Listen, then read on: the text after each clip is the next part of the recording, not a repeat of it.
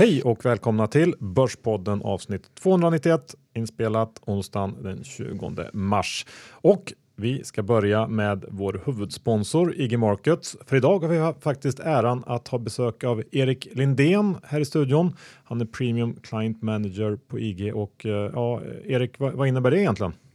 Ja, IG är ju specialiserat på väldigt aktiva kunder och då är jag kontaktpersonen för våra absolut mest aktiva daytraders. Om du jobbar på heltid eller aktiv på fritiden så kan jag berätta exakt vad IG har att erbjuda för, för den aktiva kunden.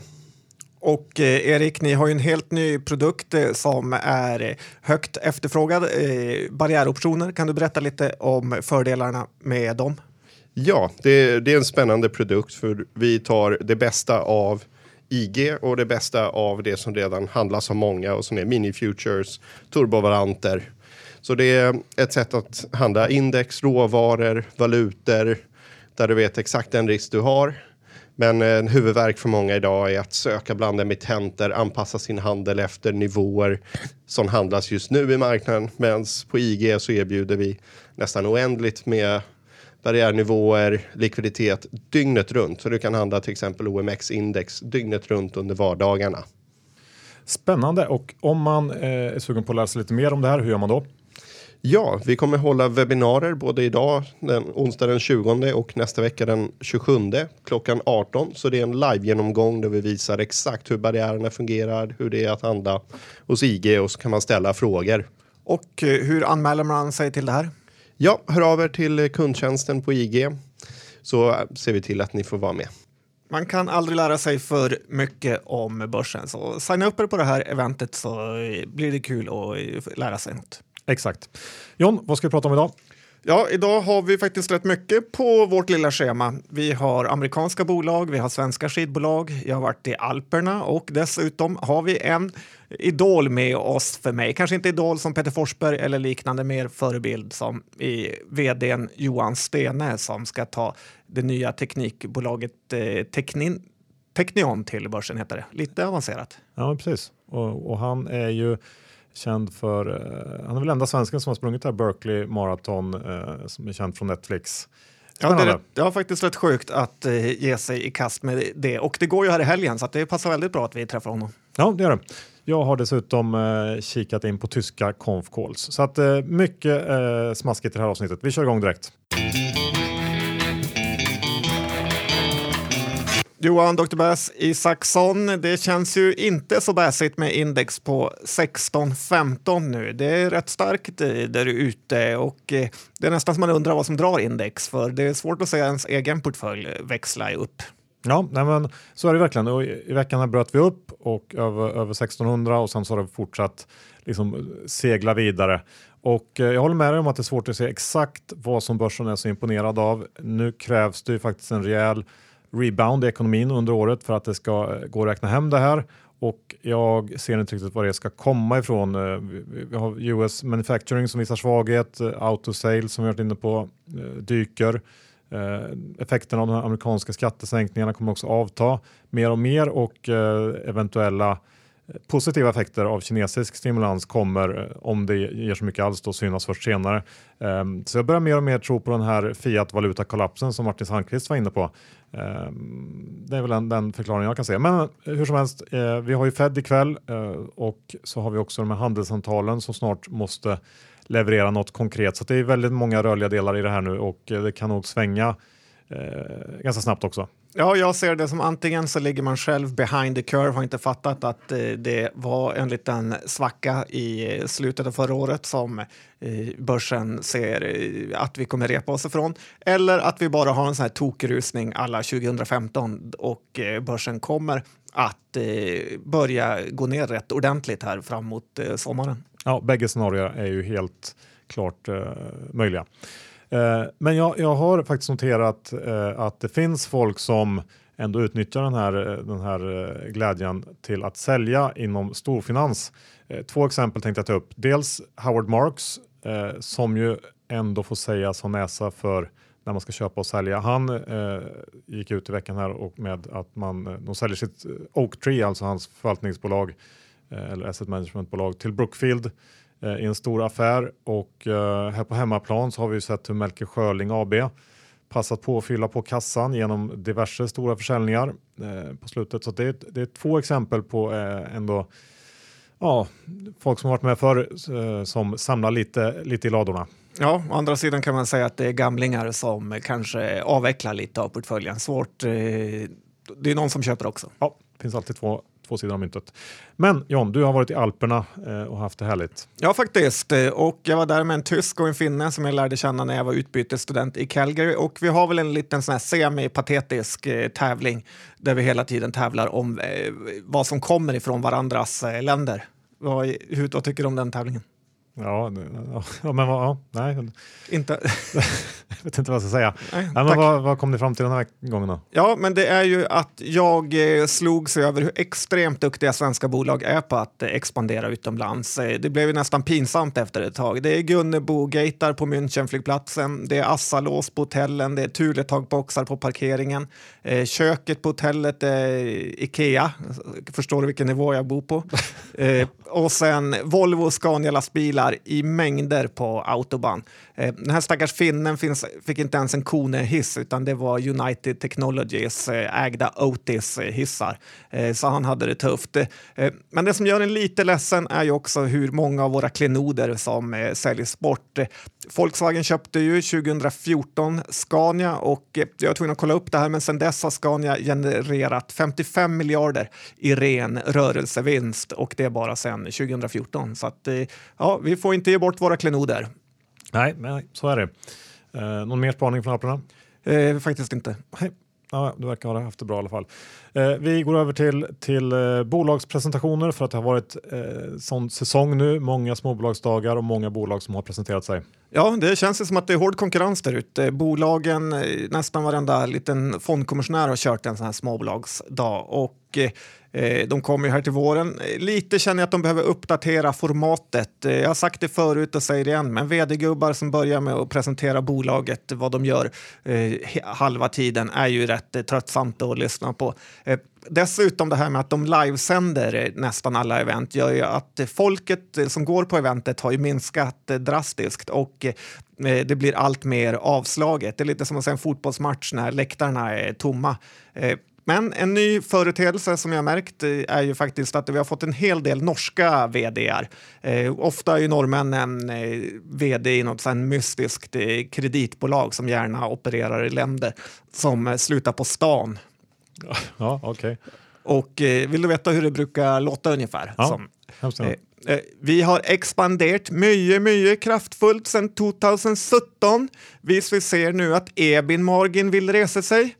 Våra competitors har icke investerat det stora belopp vi har och vi ser en god future. Ja, eh, Det här bolaget brukar ju och- två år senare sen eh, re, rasa ihop fullständigt. Så att eh, ja, ha tunga investeringar sedan 2017 ska man passa sig för. Men norska vd är alltså en varningsflagg då helt enkelt. Lite så. Oj då. Ja, du, eh, vi går över och snackar lite bolag tänkte jag. Eh, det har ju varit lite retail-vecka här på slutet. Vi har haft H&M, eh, MQ och Kappahl som alla har presenterat siffror och ehm, ja, det är väl inte så jättekul läsning egentligen i något av fallen. Men om vi... vi eh, Olika grader i helvetet som de brukar säga. Ja, precis. Men om vi, om vi, kan, vi kanske kan börja med, med H&M. De släppte ju sina försäljningssiffror i fredags eh, och de var upp 4 i lokal valuta. Det var mer eller mindre in line. Sen så, så har ju valutaförändringar drivit på mer än väntat kanske, vilket resulterar i att den totala försäljningen då steg med 10% Men like for like i butikerna fortsätter att falla och eh, stigande kostnader eh, väntas mer än, än eh, motverka den här försäljningsökningen om man säger så. Och de analyser jag kollar på räknar med ett, ett tapp på ebit-nivå om cirka 40 eh, inför rapporten då som kommer här eh, nästa vecka. Eh, så att det är fortsatt tufft för H&M och eh, för det här får man betala någonstans runt eh, ev ebit 15 vilket ju inte känns så här jättelockande Tyvärr. För, ja, det, det, är mm, svårt att, bli sugen på H&M på de här nivåerna givet hur tufft de fortsatt har det tycker jag. Ja, det roligaste från den här rapporten var väl att eh, Anders Hägerstrand på det gjorde bort sig lite där han garanterade uppgång i aktien när den eh, kollapsade sen.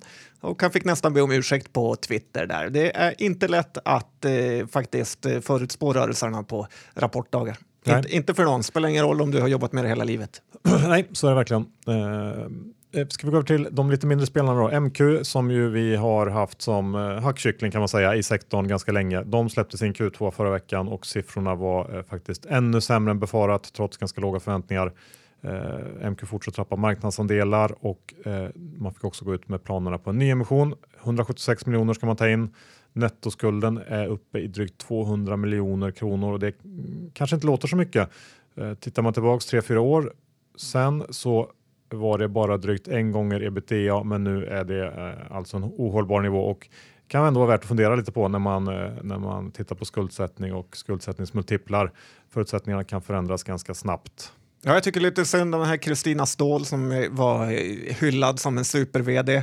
Sen köpte hon Joy och eh, alla trodde det skulle gå bra, men det har ju blivit en katastrofaffär och har väl en stor del i den här kollapsen av MQ att eh, göra också eftersom Joy är nästan det som går sämst. Och eh, MQ är ju det bolaget som vi har eh, eh, skrattat åt mest eftersom du, de har ingen USP över, överhuvudtaget. Nej, för där har väl eh, Kappahl ändå en liten fördel med eh, ja, framförallt egna varumärken i princip enbart. Va? Eh, de har ju en UB som också känns som ett eh, hyfsat lovande projekt. Eh, hur som helst så rapporterar H&M eller Kappahl i morse och siffrorna här var faktiskt något bättre än väntat. Eh, även om det liksom också är grader i helvetet kan man säga. De tjänar väl två istället för att förlora tre miljoner som har väntat, något sånt. Um, Rätt jobbig verksamhet att sälja för en miljard och sen förlorar man två miljoner. Ja, nu tjänar de tre tror jag. Men hur som helst, man drar i alla fall igång ett kostnadsbesparingsprogram här som då ska spara, eh, spara 100 miljoner kronor på årsbasis eh, och 20 butiker ska läggas ner. Aktien studsar upp lite på det här under förmiddagen.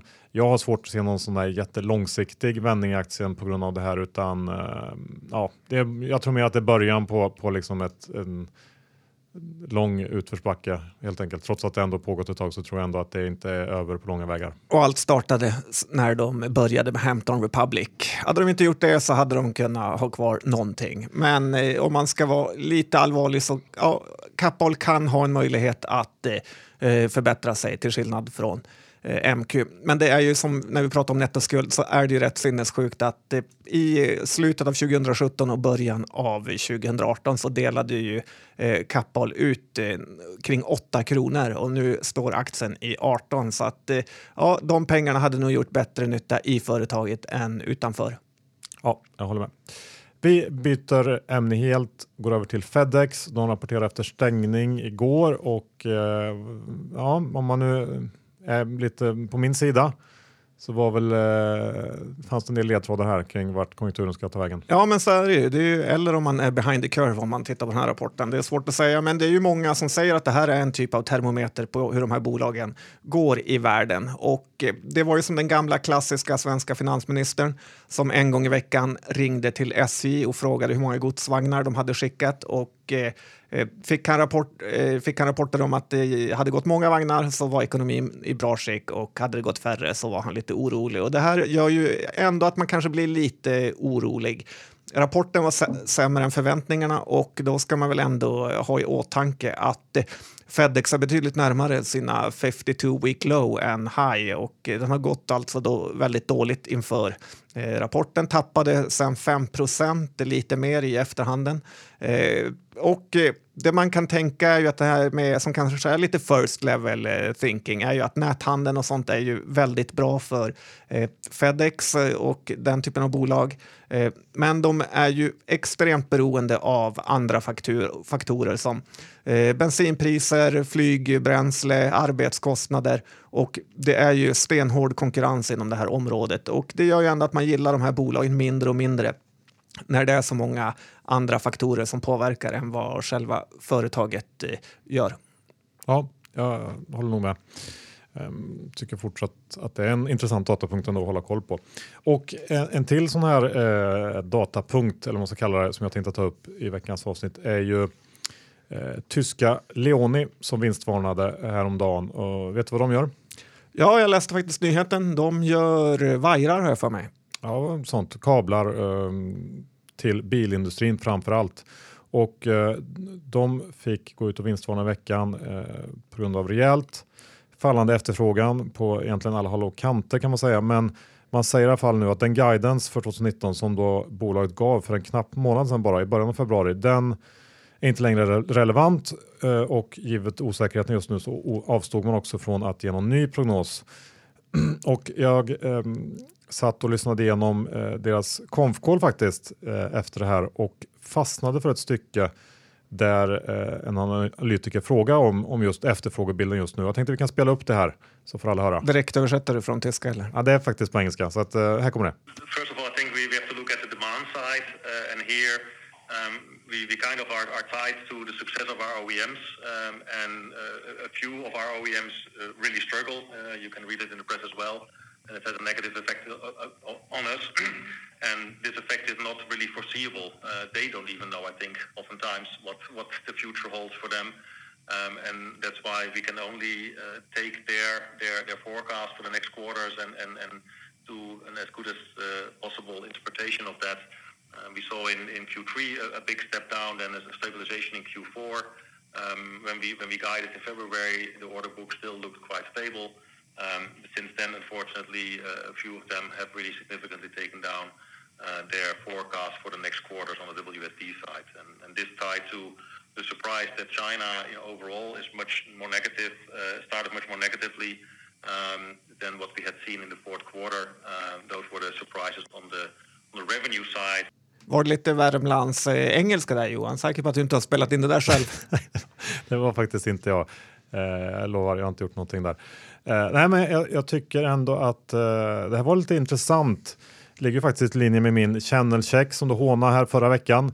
Eh, men, men det är i alla fall uppenbart att vi har ju fortsatt svaghet inom auto, Kina och Tyskland. Eh, BMW vinstvarnar väl också här för en stund sedan bara nu på förmiddagen.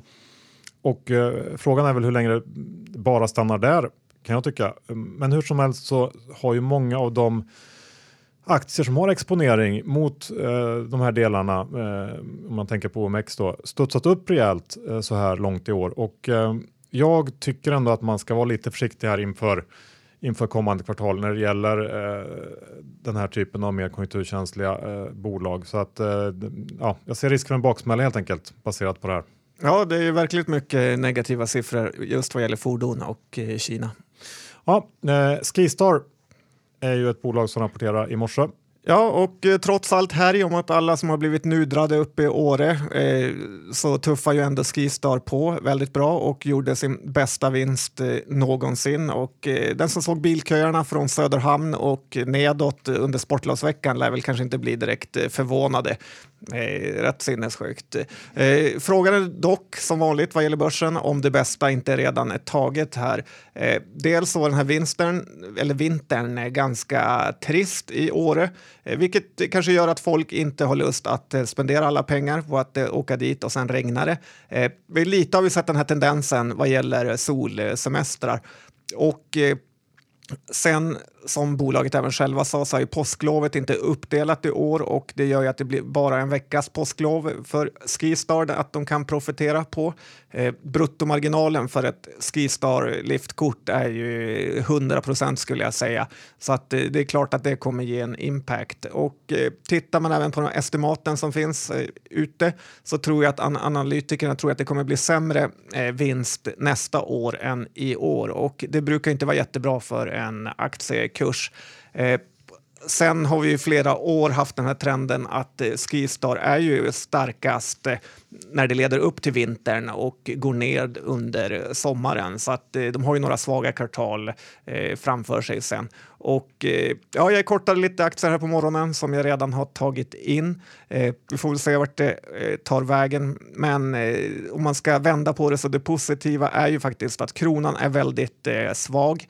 Eh, vi har ju svenskar som älskar att åka skidor och eh, det är ju möjligt ändå att Åre har höjt sin status eh, efter VM ändå eh, de jag pratade med, utlänningar som kände till skidor och Sverige, vi kände ju direkt till Åre, så att det är ju en eh, populär ort. Ja, nej, men så är det ju, men, men jag eh, har, håller nog med dig där att det ändå känns svårt att se någon jätteuppsida i alla fall i det här caset eh, härifrån. Och, mm, ja, man kan nog vänta en del.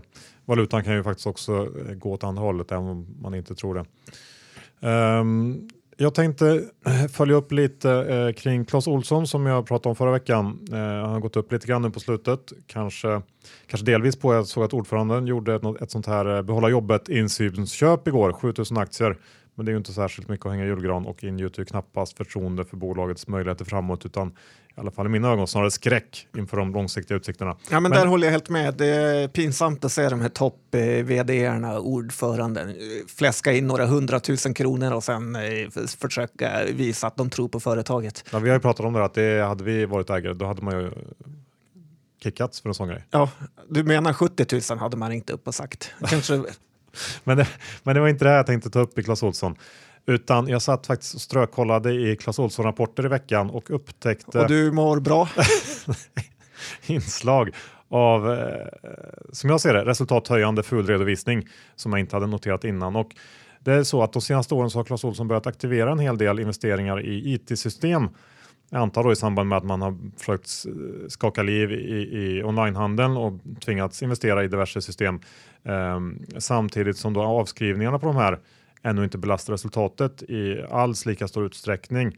Och eh, i runda slängar så handlar det här om 100, eller mm, 90 miljoner kronor per år i då, som jag ser det, fejkad resultateffekt eh, de senaste åren som kommer från de här aktiveringarna. Och det är ju lite intressant eftersom man dessutom då justerar för IT-investeringar i eh, det justerade resultatet.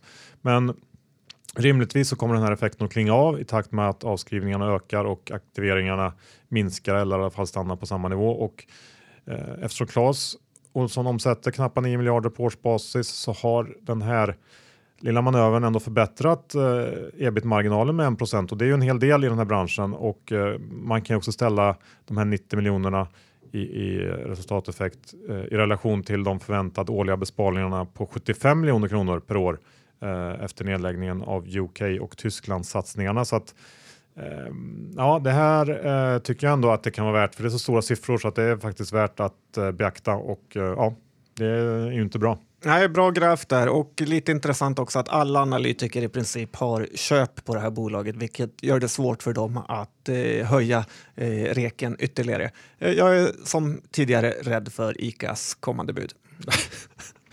ja, det, ja, det får vi se om det händer. Jag är lite tveksam kanske, men Eh, ska vi avsluta eh, bolagsdelen här John med eh, MTU.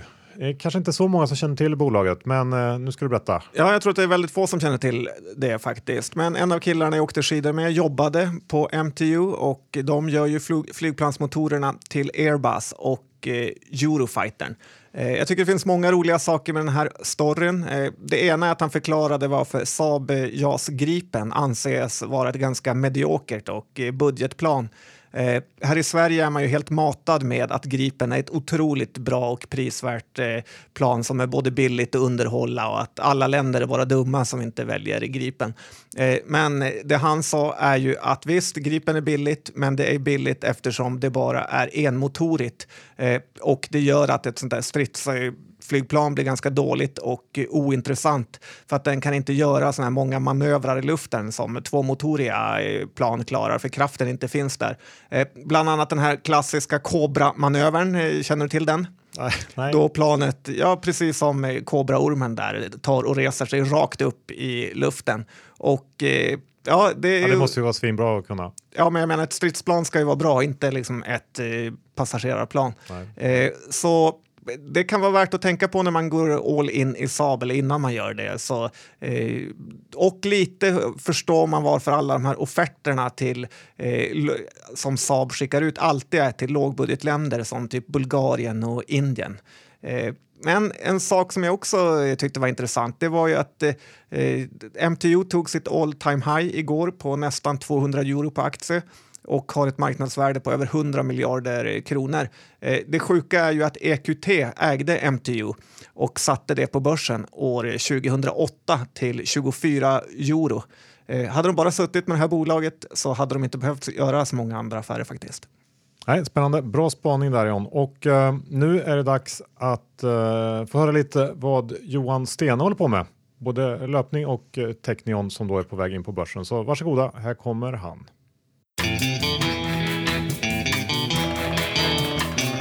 Vi är denna vecka sponsrade av Tessin ehm, och har pratat med Jonas och frågat hur egentligen snittinvesteraren på Tessins plattform ser ut. Lyssna här alla typer av både professionella och privatpersoner som, som är liksom mer traditionella sparare. Eh, men vad som är väldigt kul är att om man tittar på ett projekt så är 80 eh, Eh, tidigare investerare och 20% nya. Så det är en liksom, väldigt hög liksom, återinvesteringsfrekvens om man tittar på dem som går in. Och anledningen till det är att eh, Många ser det som ett sätt att bygga upp sin egen kreditportfölj och diversifiera det så att man går in i många lån och hittar liksom sin profil och sin avkastningsnivå. Och dessutom så är det ju väldigt enkelt. Att det är snabbt, smidigt, man läser på och sen så ett klick så har man, har man gjort sin investering. Så jag tror därför man har en sån hög eh, aktivitet också. Tack för det Jonas, spännande. Om ni är intresserade av att bygga upp en sån här portfölj själva, ja men då går ni in och öppnar ett konto på tessin.se så är det bara att surfa runt och se vilka eh, projekt som kan passa just dig. Det finns eh, många intressanta just nu, så gå in på tessin.se. Med oss idag på Börspodden har vi den stora äran att eh, ha Johan Stene med oss och eh, han ska ta eh, bolaget Technion till börsen. Välkommen hit! Tack så jättemycket, roligt att få vara här. Ja, det är inte varje dag som Börspodden hittar ett intressant bolag som ska in till börsen, så det var lite extra kul och eh, att eh, du kunde komma hit och även att jag känner dig lite sedan tidigare. Du är ju en legend får man säga inom ultralöpningssfären och eh, ska ju till och med till Barclays och springa det här om en vecka. Eh, ja, det ska jag faktiskt. Vilka starka ord. En legend. Nej, men jag har sprungit ultra i ganska många år och tycker det är Väldigt, väldigt roligt. Jag har ju det som hobby och haft det i nästan tio år nu och eh, en av de stora drömmarna med det är att klara av Barclays Marathons som är eh, ett jättesvårt lopp i Tennessee i, eh, där man ska springa 100 miles. det är en femvarvsbana och det är bara 15 personer som någonsin har klarat det. Mm, det är rätt sinnessjukt. Hur fungerar det att kombinera ultralöpning och vara börs-vd? Eh, det har jag ingen aning om. Jag har inte varit börs än. Men, eh, men eh, än så länge så har det fungerat väldigt bra. Jag försöker... I, I perioder så har det klart varit mycket löpning, i perioder har det varit mycket jobb. Eh, det som kanske kontinuerligt har fått stryka på foten lite, tyvärr, eh, för att jag har den läggningen är väl min familj. Jag har en fru och två underbara grabbar. Eh, och eh, de är väldigt tålmodiga med mig och har för länge sedan slutat fråga pappa varför springer du så mycket? Men eh, jag, jag har med åren blivit bättre på att balansera alla tre, både hobby, jobb och familj. Och det tycker jag är en viktig del i, i det jag håller på med. Men, det, men löpningen hjälper mig jättemycket. Dels så har jag ju satt mig i situationer i löpningen som är otroligt obekväma för jag springer så pass långa och extrema lopp. Och det har gjort också att eh, jag har fått eh, en, viss eh, tålmodighet kanske och eh, ett, ett, ett bättre lugn även på jobbet. Ja, du kan vara vaken i 70-80 timmar och eh, springa så att man förstår ju som aktieägare kan man också kanske kapitalisera lite på det. Ganska envis är jag faktiskt. Ja, det är Ja, det låter bra. Men, men, kan du inte berätta lite om, om Technion som är då ditt bolag som ni ska ta till, till börsen här snart?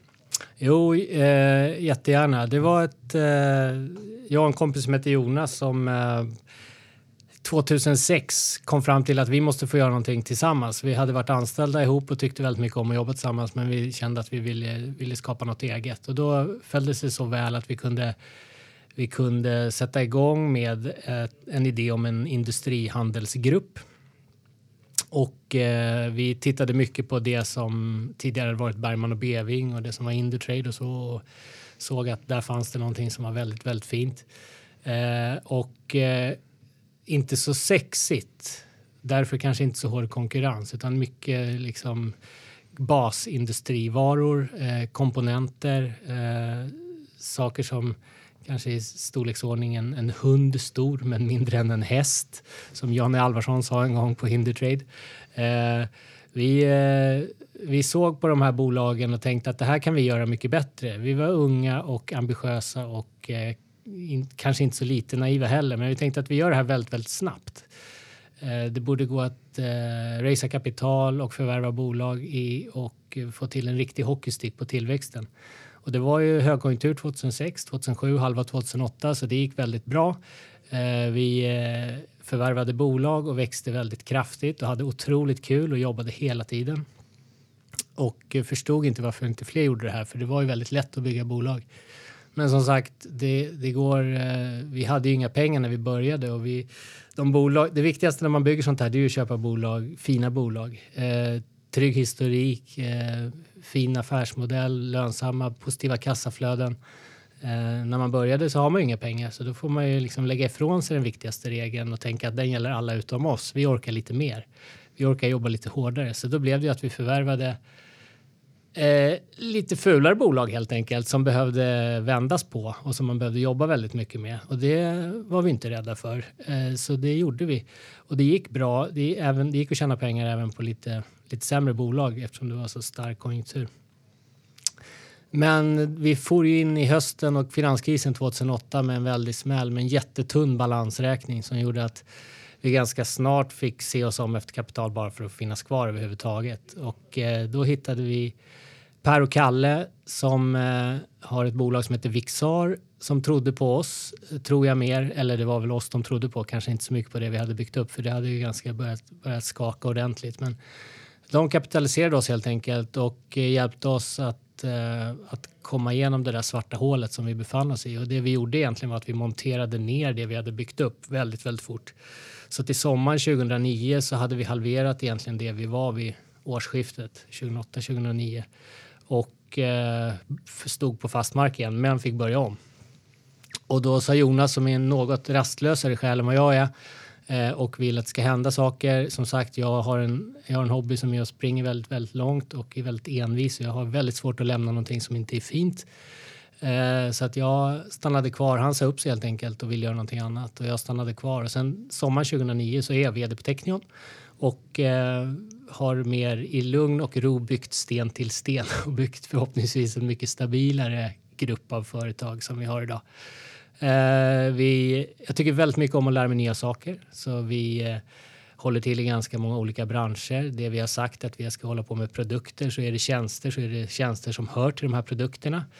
Eh, vi är fortsatt så att vi försöker hålla de här Bergman och Beving eh, avknoppningarna och, och de stora industrigruppernas eh, eh, strategi som våran egen. Att vi försöker stötta eh, de decentraliserade dotterbolagen där vi, där vi eh, försöker värna om entreprenörskap och att de är självständiga och flexibla i sig själva. Men att vi i, i det större nätverket och med det lite större moderbolagets eh, erfarenhet och eh, kompetens kan, eh, kan bidra med tillväxten. Vi är aldrig nöjda liksom, i dotterbolagen med hur de drivs. De ska inte bara förvaltas utan de ska fortsätta vara entreprenörsdrivna. De ska fortsätta att ta sig framåt i den smala nisch där de verkar. Men har ni inte haft en ganska skön resa utanför börsen? Vad, vad är fördelarna nu? Jo, jag tror, jag tror att vi har haft, eller det har vi, vi har haft en skön resa utanför börsen för det är ju ingen som säger till mig eller ifrågasätter så mycket det som jag och vi gör. Och det tror jag det är skönt, men det, det är som, som jag tror på så mycket annat i livet för att man ska för man ska uppskatta det som är skönt ska det också vara jobbigt. Och jag är helt övertygad om att de flesta människor presterar mycket bättre när man har ett ramverk och när man har någon som sätter krav på sig. Eh, jag har längtat lite efter det i några år, att, att bli mera bedömd och mera mätt. Eh, och, och därmed även Technion. Jag, jag vet att vi kan bättre. Eh, framförallt så är det värt att, att komma in i rampljuset med att vi får tillgång till kapitalmarknaden för det vi har blivit ganska bra på är att identifiera och förvärva fina små eh, teknikbolag. Och det är det som vi vill accelerera med den här nya emissionen som vi genomför nu i och med noteringarna. Ni köpte nyligen ett bolag från Midway såg jag och eh, Midway är ju relativt eh, ett av de sämre bolagen på börsen får, tycker jag. Och, eh, så att den här strategin med att köpa dåliga bolag verkar ni fortsätta med eller? Ja, det, så kan man tro. Eh, ja, vi, vi, har fortfarande den där viktiga regeln, regel 1A, att köpa fina bolag med låg risk och, och positiva kassaflöden.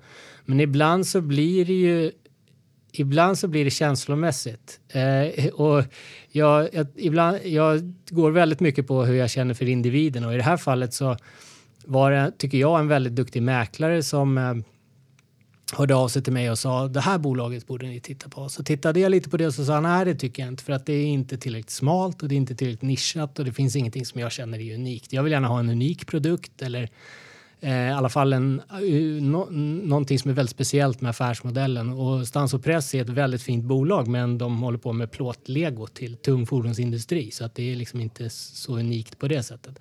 Eh, för att man har de stora kunderna och fina kunderna som Stans Press har så måste man vara duktig på det man gör men det är fortfarande inte någonting som är spjutspetsare. Eh, men eh, så att det, jag la det åt sidan, men han var väldigt bra på att övertala mig på ett snällt och försiktigt sätt. Så att eh, det han sa var egentligen kom ett bud och så får vi se hur det landar. Och så jag skickade iväg ett förslag på en affär och så sa han det här var nog lite för lite, men om du kommer ner och träffar personalen så kan vi kanske prata om det. Och, och, det måste man alltid göra. Man måste alltid träffa de som ska göra jobbet. Man måste alltid träffa människan. Det är det viktigaste. Så att jag åkte ner och så träffade jag ledningsgruppen och så tyckte jag väldigt mycket om dem och såg att det fanns eh, mycket kompetens, mycket erfarenhet ute i bolaget. Det finns människor som, som jobbar där nere som har varit på samma bolag i 30 år. Det är en otrolig kompetensbank. Eh, jag upplevde också att det fanns eh, mycket att göra, alltså mycket att förbättra.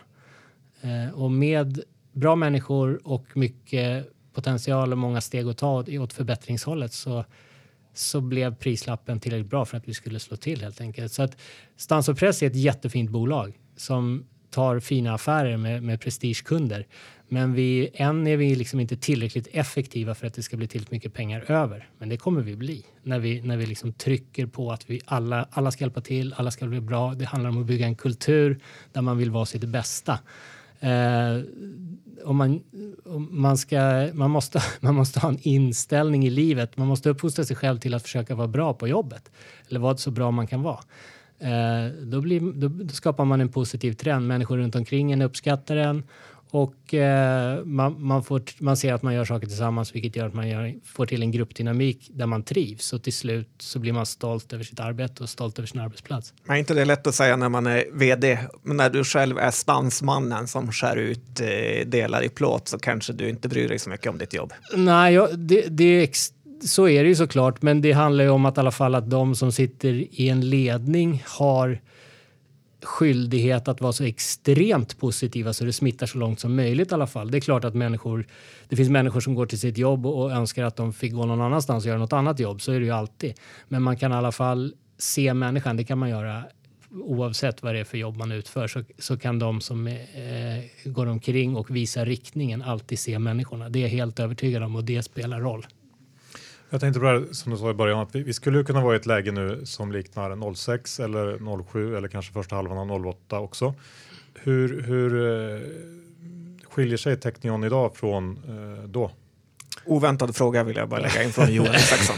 Nej, men jag, jag eh, har väl gått runt sedan hösten 2008 och varit lite sunt paranoid över att snart brakar alltihop igen.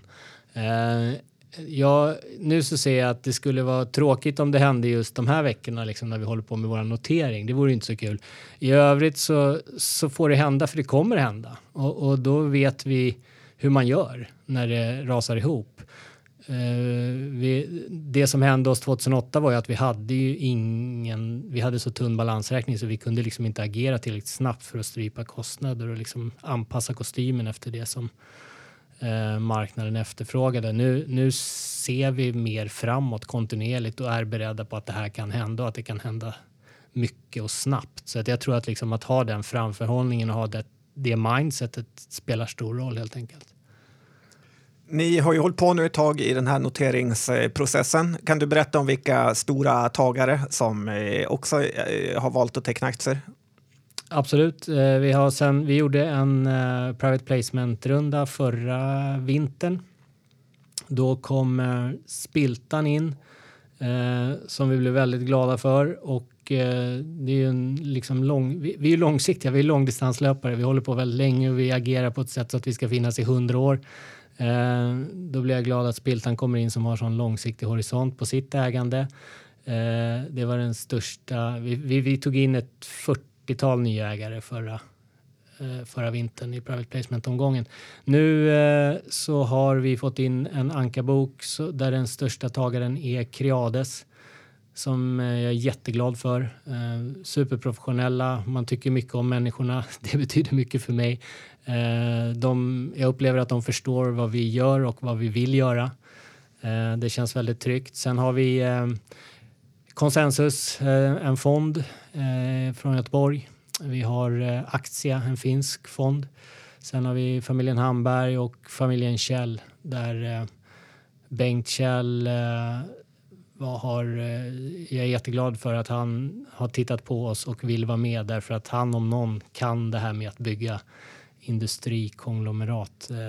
Han vill jag gärna ska sätta tummen i ögat på mig så att jag blir bättre och eh, måste ändå titta på lite värderingsformler eh, och eh, nyckeltal. Vad har ni för eh, värdering skulle du säga på för, vad ni går in på jämfört med vad ni tjänade förra året? Ja, vi eh, tjänade ju innan skatt eh, cirkus 35 miljoner 2018. Eh, då hade vi ju gjort tre förvärv eh, varav två var ganska sent på året Eh, vi gör någonting så ovanligt också så att vi lämnar en prognos i prospektet för att mycket på grund av att det ser ut så att vi hade förvärv som som inte gav så mycket utslag under 2018 men som kommer göra det under 2019. Så att eh, vi, nu så har vi en värdering innan vi tar in pengar på 340 miljoner knappt och eh, vi tar in 80 miljoner i den här emissionen varav drygt 80% redan är säkrade då, via ankare. Eh, och vad var prognosen för 19? Prognosen för 19 är att vi ska omsätta drygt 500 miljoner och ha ett resultat ebitda på 55 har jag för mig. Det, det, och det är då på nuvarande innehav så att förhoppningsvis så kommer vi även eh, få till några förvärv under 2019 2019. Vi gjorde ju tre förvärv 2018 och vi gör ju den här emissionen för att kunna accelerera förvärvstakten. Och det finns väldigt många fina bolag att köpa så det vore, då skulle jag bli lite besviken på mig själv om vi inte fick till någonting under 2019. Så att med innevarande eh, portfölj så, så ska vi göra drygt 500 miljoner omsättning och tjäna ungefär 10 procent på det. Och eh, vi brukar titta på pilotskolan eller den inverterade pilotskolan. Vilken tillhör du? Jag eh, har varit med här och, och, grundat bolaget så jag har, jag har på något sätt lyckats bevaka så jag har ungefär 7% nu eh, av bolaget. Och eh, Vixar då som fortsatt är huvudägare har ungefär 40% av bolaget. Spännande. Och, och, och, om man är intresserad av det här, vad, vad gör man då? Vart läser man mer? Prospektet då, finns? Då, prospektet finns eh, på vår hemsida sen igår och där finns också teckningssedel sen idag. Teckningsperioden är från idag till den 28 mars. Så okay. den är ganska kort för att jag måste hinna åka till Barkley också och springa i skogen där innan vi öppnar för handel. Kommer du klara fem varv? Jag måste svara ja. Det, eh, det måste jag absolut göra. Men vi kan ta en diskussion sen när jag kommer hem och se om jag får revidera det. Ja, men då får vi önska dig lycka till med både Barclays och även att eh, den här noteringsprocessen. Och vi kommer följa båda noga från Börspoddens sida. Tack så jättemycket. Då var det slut på avsnitt 291. Vi tackar IG Markets, vår huvudsponsor. Om ni är intresserade av att lära er mer om barriärer då är det bara att ringa in till IGs kundtjänst och anmäla er till det här webbinariet. Det tycker jag absolut man ska göra. Mycket ja. matnyttig info där. Ja, det går ju idag klockan 18 och onsdag den 20 mars alltså och även den 27 eh, mars klockan 18. Precis. Dessutom Missa inte Tessin. Gå in på tessin.se om ni vill bygga upp en eh, fastighets kreditportfölj. De har en väldigt bra plattform och eh, ja, gå in där och öppna ett konto och läs på så hittar ni säkert någonting som passar just er. Ja, verkligen. Ja, hur är det med innehavsredovisningen den här veckan John? Jag är ju kort eh, Clas Olsson eh, såklart och eh, i övrigt är det ingenting. Hur är det med dig? Jag har eh, stängt min position i Skistar idag, men jag eh, har inget av de övriga bolagen. Bra, då tackar vi för att ni lyssnar den här veckan och ehm, kanske ska småtipsa lite om att man nog inte vill missa nästa veckas avsnitt. Nej, det kommer man verkligen inte vilja missa, men det kommer vi pitcha ut så att ni inte gör heller. Så är det, ha det fint! Hej då!